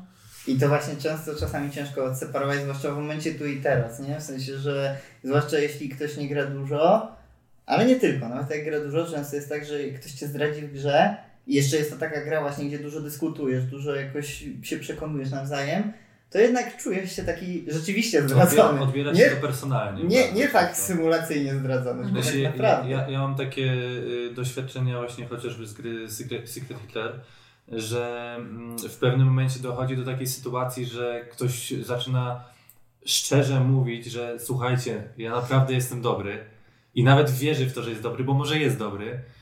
I dochodzi do tego momentu, że druga osoba mówi, nie, ty nie jesteś dobry, ty jesteś zły. I tej, tej, tej, tej, ale biednej, ja? Tej, Jak to? Ale tej biednej, dobrej osobie po prostu się aż przykro mhm. robi, że ona chce dobrze, że ona jest dobra, a jest traktowana jako zła z góry. Tak. Na przykład, więc to, to jest, to jest właśnie, ta gra bardzo fajnie, yy, myślę, że pasuje do tego tematu, bo po, pokazuje, yy, w ciągu jednej gry można pokazać wiele emocji, wiele yy, podejść do gry. Właśnie tej osoby, która za wszelką cenę chce być dobra, jest dobra i pokazuje, że jest dobra. Jest ta druga postać, która jest dobra, ale zaczyna kombinować, żeby za bardzo tutaj y, nie, nie, nie pokazać tego, żeby nie wyszło, że zbyt bardzo oszukuje, więc musi być zła. Są osoby złe, które udają dobre, są osoby złe, które z góry mhm. od razu jakby podejmują taką taktykę, że że nie, nie mówią w ogóle o tym, że są dobre i liczą na to, że nikt nie skapnie się, że jest zły. E, więc to, to, też właśnie jest ciekawe, czy rzeczywiście ten twój charakter z życia codziennego rzeczywiście aż tak fajnie można przełożyć do gry i czy to nie jest jednak gra pozorów w pewnym momencie i zupełnie zapominanie o tego, jaki jesteś w, w, w, jakby na co dzień, tylko już umiejętność grania, no nie? Pytanie, jaki jesteś na co dzień? W sensie, że w trakcie gry zaczynasz się zastanawiać czasem, kurczę, może ja nie jestem wcale taki fajny, jak mi się wydawało. Znaczy fajny w cudzysłowie. Znaczy sytuacje takie stresowe nazwijmy, bo to nie, poniekąd są trochę sytuacje stresowe, kiedy grasz na linii prawda, nieprawda, prawda, czy ktoś ci uwierzy, czy ktoś nie uwierzy, na pewno określają ty, kim jesteś gdzieś tam w głębokości, bo wydaje mi się, że bardzo dużo jednak na co dzień tłumimy. Mhm dostosowując się do grupy, w której na co dzień żyjemy, tak? Że jesteśmy uczeni tego, żeby być miłym, żeby pomagać i tak dalej, żeby być gadatliwym, mimo że na przykład w głębi duszy czasem lubisz sobie posiedzieć samemu w ciszy i nic nie mówić. I mhm. na przykład ja wiem, że ja mam taki problem, że czasem potrzebuję czas dla, e, czasu dla siebie. E, I, I na, mimo, że jestem w jakiejś grupie, to sobie gdzieś usiądę z boku i, i chwilę sobie tam o czymś myślę. I na przykład wiem, że już druga osoba potrafi do mnie podejść i Wojtek, coś się stało? Wojtek, wszystko w porządku? Wojtek, co? A ja mówię, kurczę, no wszystko jest super, tylko chciałem chwilę powiedzieć samemu. I właśnie jestem ciekaw, jak to potem y, mhm. się przekłada do gry. Czy rzeczywiście w grze y, zaczynamy udawać do gry, czy wychodzi to, kim tak naprawdę jesteśmy? Mhm. Najważniejsze jest pamiętać, że to jest zawsze gra. Bo jednak wiele osób się obraża za to, co wyszło po rozgrywce i te wszystkie dyskusje, które z reguły są w tych grach social deduction, jak już na przykład masz tym Secret Hitlerze masz ten pistolet i musisz zdecydować, w kogo strzelisz, a jesteś dobry i autentycznie słuchasz tego, co inni mówią, to jednak ktoś tam mówi, mówi, wiesz, stara się wytłumaczyć, że jest dobry, a ty go zastrzelisz, to niektórzy, niektórzy się obrażają, chociaż to jest granie i to mhm. też trzeba nieraz rozgraniczyć. Ale mm, wydaje mi się, że na przykład y, jeżeli chodzi o moralność w grze, największą taką rozterkę miałam grając nie w grę planszową, chociaż istnieje, to w This War of Mine, gdzie, nie wiem czy graliście w tą grę komputerową, y, gdzie musisz decydować, czy na przykład chcesz przeżyć tam już y, po, po wojnie i musisz decydować na przykład, czy okradniesz starsze osoby, żeby przeżyć, mhm. nie?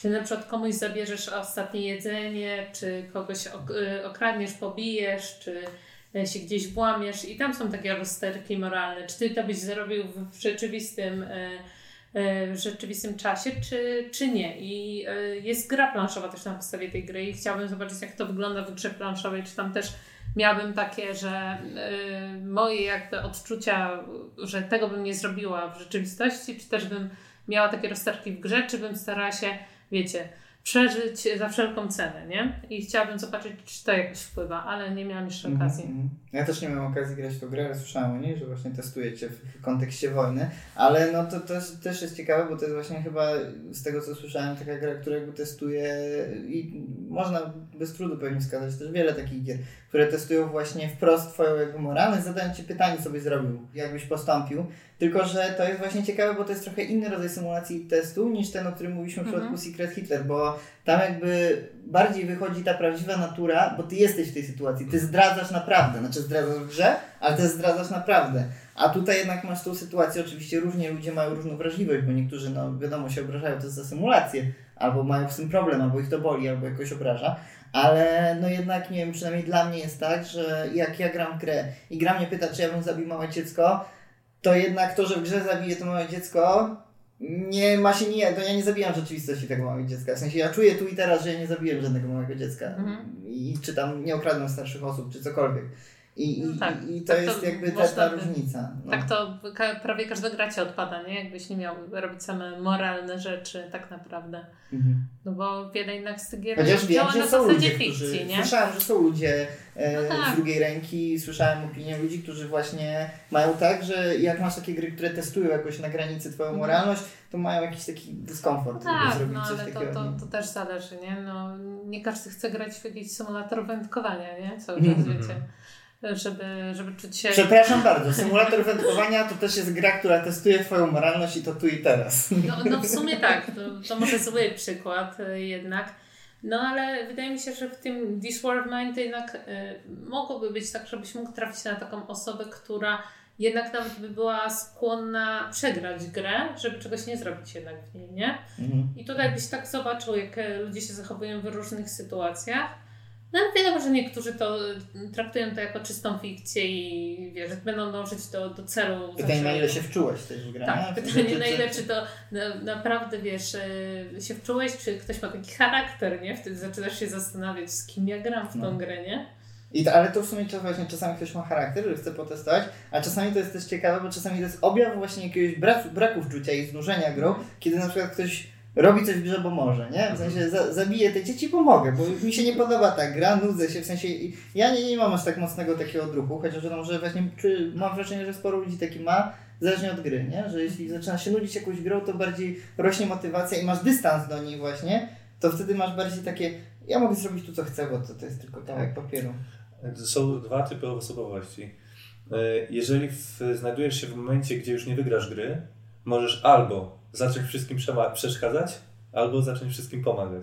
I to też właśnie od razu rozróżnia tak naprawdę. Tu myślę, że najbardziej można zobaczyć już taki charakter z życia codziennego, bo jeżeli jest to osoba, która w życiu codziennym e, nie jest bardzo pomocna i każdemu by tylko, żeby było dobrze, żeby było dobre. Mi się to bardzo zawsze kojarzy z babciami i, i, i z mamami że nigdy by swojego dziecka nie skrzywdziło, więc jak grają z dziećmi swoimi, to są tymi osobami, które pomagają, żeby to, to, to dziecko czy ta druga osoba wygrała. A są te osoby, które takie wyrafinowane już bardziej na przykład w grach, no to ta osoba już obiera taktykę, jak ja nie wygram, mhm. to nikt nie wygra. Mhm. Tak, ale ja miałam kilka takich sytuacji, ale one wynikały też z różnych gier, e, bo miałam taką sytuację w posiadłości szaleństwa, gdzie jednak to nie, to, to, wydaje mi się, że jest trochę losowe to, czy tam zostaniesz tym obłąkany i będziesz miał te inne warunki zwycięstwa niż inni.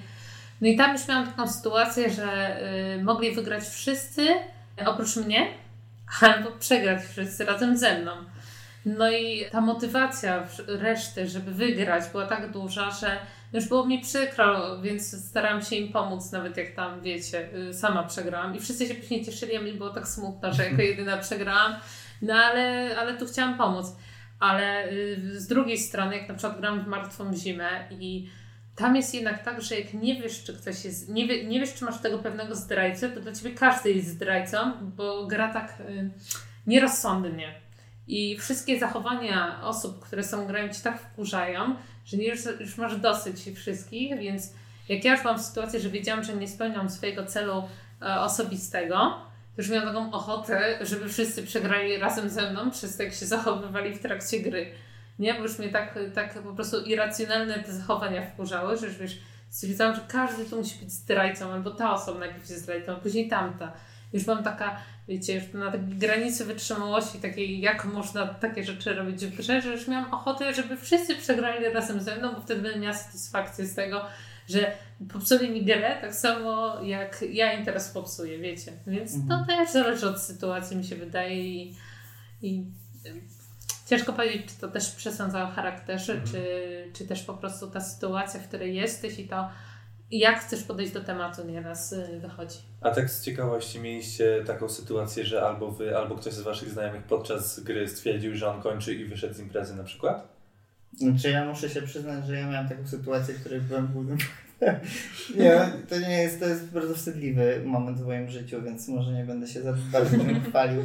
Ale znaczy nie, że wyszedłem z imprezy, ale miałem sytuację, gdzie właśnie to, co mówiliście, bo czasami tak się zdarza niestety i, i to, to nie jest nigdy nic dobrego, że, że gra wejdzie ci tak bardzo w emocje, tak bardzo się wczujesz i tak bardzo się jakoś utożsamisz, że nagle jakieś zachowanie czyjeś to już nie jest po prostu zachowanie w grze, tylko tylko prawdziwy, prawdziwy cios w twoje plecy, nie? No i, no i miałem niestety taką sytuację też kiedyś, że, że właśnie taki cios w plecy sprawił, że nie tyle wyszedłem z imprezy, powiedziałem, wiecie co, czy da się tutaj jakoś usunąć gracza, bo ja, ja, ja nie jestem w stanie kontynuować tego dalej. I, I, nie polecam, nie polecam, nie róbcie tak. Jeśli jesteście w stanie się powstrzymać, to, to, to zawsze jest no to lepsze tak, rozwiązanie. Tak. Ale ja słyszałam o takiej sytuacji, jak wspomniałeś o Twilight Imperium. Yy, opowiada mi kiedyś, e, kiedyś e, taki mój znajomy jakby z planszówek, że Y, ma taką ekipę, z którą się co jakiś czas spotyka w Poznaniu, właśnie nagranie w Twilight Imperium. No i wiecie, to jest taka gra, kolos, dużo czasu mhm. trzeba nad nią spędzić, więc jak już wszyscy przyjechali z całej Polski, żeby grać w tym Poznaniu, no to wiecie, wszyscy grają i grają. No i mówił, że jakąś jedną osoba nowo doszła, nie? Żeby zagrać. No i Oj, minęło tam z 6 godzin czy 7. No i ten gość mówi, wiecie co, ja to już spadam, już mi się nie chce grać. I gość autentycznie wstał i wypłacił mu taką bombę w twarz za to, że mu popsuł całą grę, bo tam nie można, wiecie, wstać no po prostu od stołu. Nie można, bo jest zależności są Więc duże. wiecie, to było takie, wszyscy czekali na tą rozgrywkę, a tutaj jedna osoba, wiecie, jakby nie zrozumiała tego, że to jednak psuje grę wszystkim i tutaj już emocje wykroczyły poza tą skalę, wiecie, wytrzymałości. I przeniosło się do rzeczywistości. Przeniosło się do rzeczywistości, więc trzeba uważać nieraz, co się robi. No jak najbardziej. No, dlatego to, to jest w sumie taki dość istotny temat, bo, bo właśnie jednak to są z jednej strony właśnie gry, symulacja, mm, jakoś zakłada symulację gra. Z drugiej strony jesteśmy istotami w prawdziwej przestrzeni i, i to się potem zostaje z tobą, te wspomnienia. Na przykład, tak jak mówiliśmy o Secret Hitler, to jest jeszcze ten drugi aspekt, o którym do tej pory nie powiedzieliśmy, czyli tematu gry i właśnie on trochę się wiąże z tym, z This War of Mine, nie? W sensie mhm co w grze można poruszyć, czego nie można poruszyć, czy to jest ok, czy to nie jest ok, że gra pozwala ci się wcielić Hitlera. W sensie osobiście uważam, że Secret Hitler, nawet jeśli ktoś ma z tym problem, to jeśli da choć troszeczkę szans tej grze, to ona przedstawia temat bardzo taki lekki, ale nie, nie banalizujący, nie trywializujący, nie śmieje się w żaden sposób Holokaustu, nie, jakoś nie, nie, nie robi niczego, co byłoby niesmaczne i niestosowne, tylko pokazuje pewne mechanizmy, tylko i mhm. wyłącznie wyabstrahowane, które mhm. mogą zachodzić i, i, jakby to jest trochę ten temat. No ale powiedzmy, że nawet jeśli nie Secret, nie Secret Hitler, to jakaś inna gra, na przykład mm, hipotetycznie, bo nie grałem, This War of Mine pozwala Ci zabić noworodka, nie mówię, że tak jest, bo nie grałem, ale może tak jest. Jeśli ta gra testujecie w, w sytuacji wojny, to jest duża szansa, że jest taki scenariusz. Pytanie, czy to jest ok, czy, czy taka gra ma prawo istnieć, tak? W sensie, czy, czy jest na nią miejsce. Według mnie ten Secret Hitler jednak ma mocno doklejony ten temat. Można go zastąpić bez problemu. Ja widziałam mhm. wersję, gdzie był e, wersja z Harry'ego Pottera, gdzie e, zamiast Hitlera miałeś Voldemorda i wiesz, i zamiast strzelać do kogoś, to celowałeś w niego różdżką, więc tutaj temat można łatwo zastąpić i no oczywiście, jak szukasz osoby, e, ludzi do grania i mówisz im, czy chcesz zagrać w Secret Hitlera, no to te reakcje są jednak y, różne. Chociaż wiele osób y, wy, wychodzi do tego takie, o czym to w ogóle jest, nie? Że są zaciekawieni bardziej, no bo ta gra się nazywa tak i dlaczego. I później mówisz tylko, na czym polega ta gra i oni stwierdzają, a dobra, to w sumie tutaj nie ma nic związanego aż tak z, z tą tematyką Hitlera czy, y, czy nazizmu. A niektórzy są tacy, że nawet jak się dowiedzą, o czym jest ta gra i że ona w sumie nie porusza tych tematów aż tak, że po prostu się wcierasz w postać, którą tam a ty czegoś nie widzisz, a ty coś widzisz tak naprawdę, no o to się, wiecie, na tym się kończy, to oni mówią, że ten temat jednak jest zbyt wrażliwy. Często też wychodzi z jakichś historii osobistych, tak, że mm na mhm. przykład ktoś no miał no dziadka, babcię, no i nie mogą tego tematu y, przejść, no ale jakbyś na przykład wytłumaczył jej tą grę i powiedział, no dobra, to nie myśl, że to jest Hitler, tylko Voldemort, a to jest Harry Potter i nie wiem, Hermiona, to by może zagrali, wiecie, nie? I, I to jest też dobre w tych grach, że nieraz można podmienić ten temat wrażliwy. Ale ja też mam taką grę, która na przykład u nas w Polsce nie jest tematem wrażliwym, to jest y, Donner Dinner Party, chyba się nazywa, czy Dinner Donner Party, która jest o o tym, że są kanibale i są normalni ludzie i gdzieś tam y, jesteśmy gdzieś w Stanach Zjednoczonych, jest wielka śnieżyca, są, jest XIX wiek, że nie możemy się poruszać samochodem. No i idziemy i kończy nam się jedzenie i wśród nas są kanibale i nas po kolei zjadają, tak? I to jest prawdziwa gra na podstawie prawdziwej historii. Więc ona w Stanach obija się lekkim echem, że jest taka trochę, wiecie... Przez sam fakt, że jest no, oparta na... Tak, że naprawdę ktoś tam, wiecie, kogoś zjadł że to jest oparte na faktach, jakby zaczerpnięta historia, no to nie, dla niektórych to było tłumacz, nie?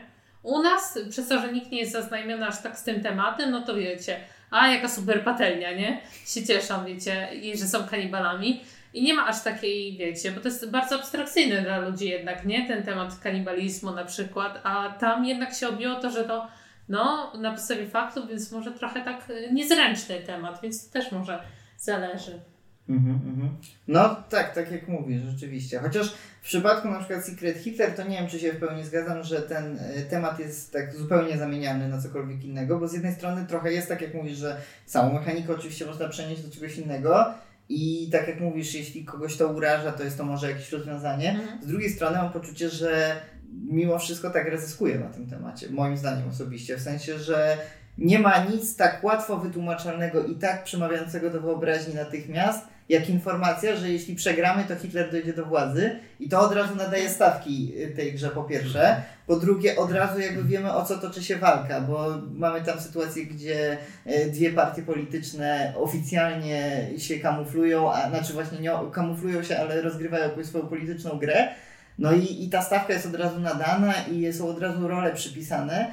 I ciężko jakby przypisać tak jednoznacznie o takim jakby ładunku emocjonalnym gdzieś indziej, a ten ładunek emocjonalny robi tą grę. W sensie, że on gdzieś tam z tyłu jest, wiadomo, że to nie jest mhm. bardzo mocne i to też jakby sprawia, że to, w tą grę można grać bez jakiejś wielkiej tutaj wzruszenia, wyrzutu sumienia, ale jeśli ktoś jest w stanie grać w tym normalnym wersji Secret Hitler, no to jakby tak. ten temat nie jest zupełnie przypadkowy, w sensie on jest po prostu mhm. bardzo taki wyraźny od razu.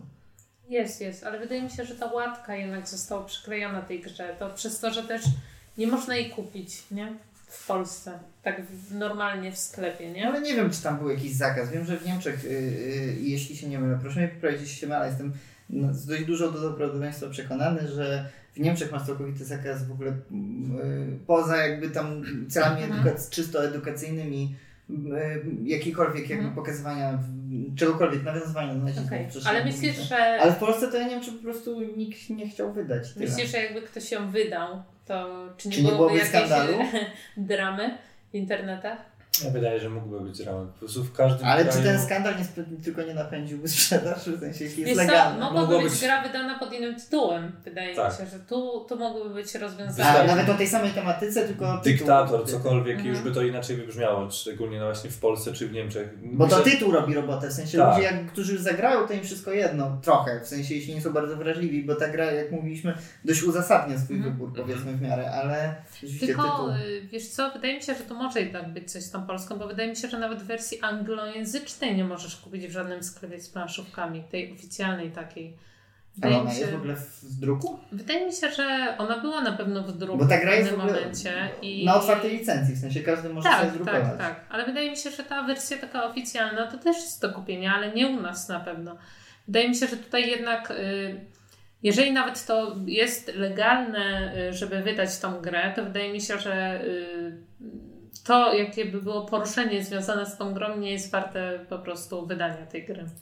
U nas, y, w naszym kraju, nawet jeżeli ten temat jest taki, że no w sumie ty nie chcesz, żeby ten Hitler doszedł do władzy i na tym polega też ta cała gra. Jest jednak nie do przejścia dla wielu osób jednak. No, w pewnym sensie wchodzimy tutaj też na szerszy temat, właśnie ogólnie tabu w społeczeństwie. Nie? To też ma dwie funkcje. Z jednej strony powiedzmy, że chronisz czyjeś uczucia, że pozwalasz komuś y, jakoś y, egzystować w jakiejś bezpiecznej przestrzeni, no bo mamy, i czy to w Niemczech, czy w Polsce, bardzo dużo ludzi, którzy z różnych powodów, bo umówmy się, nie tylko w Polsce były ofiary Holokaustu, tylko w całej Europie i całym świecie, no ale to jest epicentrum tych wydarzeń, które już co prawda swoje lata mają. Powiedzmy, że już to te pokolenie, które doświadczało tego bezpośrednio powoli e, niestety odchodzi, ale właśnie to tabu, że nie powinno się żartować, nie powinno się w ogóle mówić za dużo o Holokauście bez potrzeby edukacyjnej, no to chroni uczucia tych ludzi. Tylko z drugiej strony jednocześnie powstrzymuje przed dyskutowaniem o bardzo ważnych sprawach, w sensie, że nie mówię, że gra Secret jakoś niesamowicie poważnie traktuje temat, ale no, nie wiem, jedna z osób, które bardzo szanuje, e, e, pan John Cleese, kiedyś słynnie mówił o tym, że każdy humor pociąga e, temat śmiania się z czegoś i to zawsze jest obraźliwe. W sensie, jeśli musisz, masz się z czegoś śmiać, to jednocześnie kogoś obrażasz. Automatycznie. Mhm. I myślę, że jest w tym trochę prawdy. W sensie, że po prostu umiejętność śmiania się jest czymś takim naturalnym, i umiejętność dystansu jest czymś takim naturalnym, co jest potrzebne bardzo, żeby w ogóle móc potem porozmawiać o tym i przetworzyć to. Nie wiem, jeśli słucha nas jakiś psycholog, proszę o mądre odpowiedzi, a nie samo, samo No ale to, to, to, tutaj jakby wracamy do tego, nie? Czy, czy każdy potrafi jednak rozdzielić y, te swoje emocje y, życiowe od tej, od tej gry, tak? Czy, czy to, przecieknie do tego? Czy, no, czy potrafi zagrać, nie? Niestety trzeba pamiętać, że po prostu każdy ma gdzie indziej postawioną swoją granicę i to też się nie da przeskoczyć. A takim przy, przykładem, który mi przyszedł do głowy, to chociażby gry strzelaninki, tak? Mm, znam osoby, dla których już gra na PlayStation czy Xboxie w strzelaninkę. Mario Kart, bo strzelasz do innego go. No bardziej tu myślałem o jakiś Medal of Honor no. czy podobnie, ale Mario Kart też. To już, to już dla niektórych to już jest przesada, bo to już jest pokazywanie jawne zabijania drugiej osoby, mhm. mimo że to jest gra. No i tu dla jednej osoby to jest zwykła frajda, bo mm, nie wiem, zawsze marzył być żołnierzem, zawsze marzył być wojnie, chciał poczuć jak to mhm. jest, jak wygląda bardziej to jest dla niego rozrywka, a dla drugiej osoby jest, jest takie z tyłu głowy, ale czy ty zdajesz sobie sprawę, że to kiedyś się wydarzyło? Że kiedyś były takie wojny, że kiedyś tak ludzie do siebie strzelali? No i teraz jest pytanie, no zdaję sobie sprawę, tak? Wiem, że to się działo, no ale czy to zakazać sobie chwilki rozrywki na, na, na, te, na telewizorze? No i tak samo z grami planszowymi, tak? No są sytuacje, które się wydarzyły, ale czy to, całkowicie zakazuje mi zagrać w tą grę? No wydaje, mi osobiście się wydaje, że niekoniecznie. Mhm. No, tak naprawdę można, jeśli, jeśli bardzo chcemy chronić czyjeś uczucia, wiemy, że gdzieś temat jest drażliwy, to można po prostu yy, temat jakby nie rozprzestrzeniać się tak bardzo w sferze publicznej, tylko żeby zainteresowani mogli po niego sięgnąć i tyle. No. Dlatego trzeba zawsze mieć dwie gry. Oficjalną? No, nie możesz mieć tylko Secret Killera zawsze pod ręką, zawsze musisz mieć tą drugą, wiesz, żeby zawsze zamienić na wszelki wypadek, nie? Jakąś taką najgrzeczniejszą. No tak. Wyprawa do Eldorado. No, jakaś taka, no bo wiesz, no. Ciężko może być, jak y, przedstawisz Avalona jako, nie wiem, alternatywa. Do Eldorado to też kontrowersyjny temat, bo to kolonializm, więc wiesz, A, no, no, tak, wyzysk tak trochę niebezpiecznie. Ciekawe, to już temat na inny odcinek, czy da się znaleźć y, y, grę, która jest rzeczywiście całkowicie bezpieczna moralnie. The Mind no wiesz, manipulowanie ludźmi, jakiś telepatia. Yy, telepatia, jak telepatia, to yy, jakiś mistycyzm, okultyzm, nie?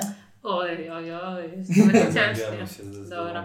Jak znacie jakąś grę, którą myślicie, że nie porusza żadnego kontrowersyjnego tematu, to dajcie nam znać. Tak, zdecydowanie. Znajdźcie jedną grę, która nie porusza żadnego Wtedy w nią zagramy i zobaczymy, czy nie znaleźliśmy żadnej kontrowersji. A propos takiej kontrowersyjnej gry i która porusza tematy tabu i zniesmaczenia i wszystkiego, to ostatnio przez przypadek, a może nie przez przypadek, po prostu. tak się mówi. No? Tak się mówi, że przez przypadek, ale yy, dostaliśmy. Nie, moja dziewczyna dostała grę. Memy. Nie wiem, czy to słyszeliście. Mm. E, prosta gra bazująca na tym, co, co zawodnęło nasz świat, czyli memy. Polega na tym, że na środku stołu kładziesz e, zdjęcie przedstawiające jakąś nam postać albo sytuację, a każdy gracz ma na ręku 10 kart, yy, czyli podpisów do tego zdjęcia. Mhm. No i e, wpadliśmy na genialny pomysł, e, żeby zagrać e, w, z moją rodziną, czyli z siostrą, która ma 16 lat i z rodzicami. Nie doczytaliśmy z boku, że było napisane 18+. Plus. No i tam było bardzo często e, takie tematy dla wielu dorosłych ludzi, czyli rodziców mm. grających ze swoimi dziećmi, tematy tabu. No i była e, dziewczyna 16-letnia, która no, bardzo była skrępowana no tematami, no właśnie, które pojawiały się. Dużo bardziej skrępowana. Pojawiały się. I właśnie to jest też fajny, fa, fa, fa, fajna gra do mm, e, właśnie zastanowienia się, czy każda gra jest chociażby dla takiej bariery wiekowej, tak? Czy, czy dajcie opisy na pudełku. Tak, czy, tak, czy tak, warto grać e, właśnie w, z takim mhm. tak rozbieżnością e, wiekową chociażby, no nie? Tak, to spokojnie. Moi rodzice kiedyś mi, jak byłam w podstawce, kupili grę, yy, prawda, czy yy, wyzwanie z wykrywaczem kłamstw, która była, porusza różne tematy, które raczej nie były odpowiednie dla mnie w tym momencie. Ale bardzo dobrze się przy niej bawiłam, jadąc na autokar w autokarze na wycieczkę. E, więc, więc było super. Bardzo, bardzo doceniam ten prezent. Ale grałaś z, z rówieśnikami czy z rodzicami? Tak, z rówieśnikami. Bo, z wiesz, no, to, to znaczy, schody zaczynają się, jak na przykład masz 16 lat i masz zagrać z rodzicami. Aha. A poruszasz tym tematy, no mówmy no, się, dość tak. krępujące dla jeszcze wielu z nas. Ale ta gra trochę mi przypomina chyba Cards Against Humanity. Właśnie o tym sam pomyślałem i że gry mogą żerować na tym, sensie, że mhm. mogą specjalnie dawać kontrowersyjny tytuł i jakby z tego robić swoją popularność, nie? Zwłaszcza jak Mhm. mówimy o na przykład niepełnoletnich graczach, no to jeśli masz grę 18+, no to plus 1000 do Mhm. fajności. Znaczy, wydaje mi się, że jest wiele takich gier y, imprezowych szczególnie, gdzie im bardziej pikantne, tym ludzie y, młodzi, którzy wchodzą w ten świat imprezowy, to jest właśnie pierwszy, o musimy w to zagrać, bo wiecie, chłopaki myślą, o z dziewczynami sobie pogramy i, i to, myślę, że bardzo nakręca jednak y, właśnie taką sprzedaż takiej gry. No, Jest ten- taka jedna darmowa butelka, nie? Ale Bo to jest ten pozytywny aspekt tabu, że tabu może obrażać, ale tabu też może y, uatrakcyjniać, w sensie może właśnie nadawać jakby takiego posmaku mistyczności, jakiegoś czegoś zakazanego, nie? Znaczy, takie gry z tabu to mi się wydaje, że jest tak. E, młodzi już o tym wiedzą, dorośli już o tym wiedzą, że ci młodzi o tym wiedzą, ale jak siedzą razem, to nikt o tym nie może powiedzieć. I to właśnie tutaj zaczyna się tabu. Mhm, mhm. No i można wtedy się też zastanawiać nad tym, czy w ogóle jakby w samo granie w gry jako takie nie, nie jest wpisane jakieś wychodzenie ze strefy swojej codziennego komfortu, codziennej sytuacji w jakieś takie mniej bezpieczne rejony, czy jakby jeśli byśmy chcieli rzeczywiście bardzo takie grzeczne gry zrobić, to nie skończymy z przy całym szacunku The Sims. Chociaż The Sims też nie jest bardzo, O, bardzo grzeczną ja grą. nie wiem, to ja nie jest tam drabinkę z basenu, więc wiesz. Więc y, no, nie wiem, czy Sims są taką aż tak moralną grą, wiesz. Pokazują ci, że jak y, dobrych kodów używasz, to nawet pracować nie musisz, to wiesz. No dobrze, no dobrze, no ale... Ale tak teraz... Nie wszyscy, że- puenta miała być taka, że nie wszyscy lubią symulować codzienne życie. Ale widzisz, y, przez ciebie zacząłem sam się zastanawiać, to zadaliście takie pytanie e, słuchającym, y, czy jest taka gra właśnie taka, że nic nikomu nie zrobisz. No i nawet Chińczykiem zbijesz drugi pionek, no.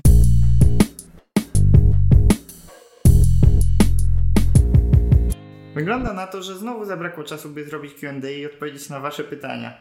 Więc jeśli jeszcze jakieś macie, to wysyłajcie na naszego maila www.kontakt.gmail.com albo po prostu piszcie w komentarzu. Dziś na koniec posłuchamy sobie utworu Void Instinct z ostatniej płyty polskiego projektu Rights of Fall. Otrzymaliśmy też do przekazania trzy kody promocyjne na pobranie całego albumu za darmo.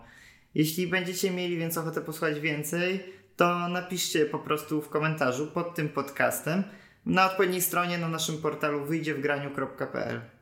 Kody wyślemy po prostu trzem pierwszym osobom, które się po nie w ten sposób zgłoszą. A nam pozostaje się już tylko pożegnać. Dzięki, że z nami byliście. Było mi niezmiernie miło. Ja też, oczywiście było mi miło wziąć ponownie udział w odcinku. Cześć i mam nadzieję, że do usłyszenia następnym razem.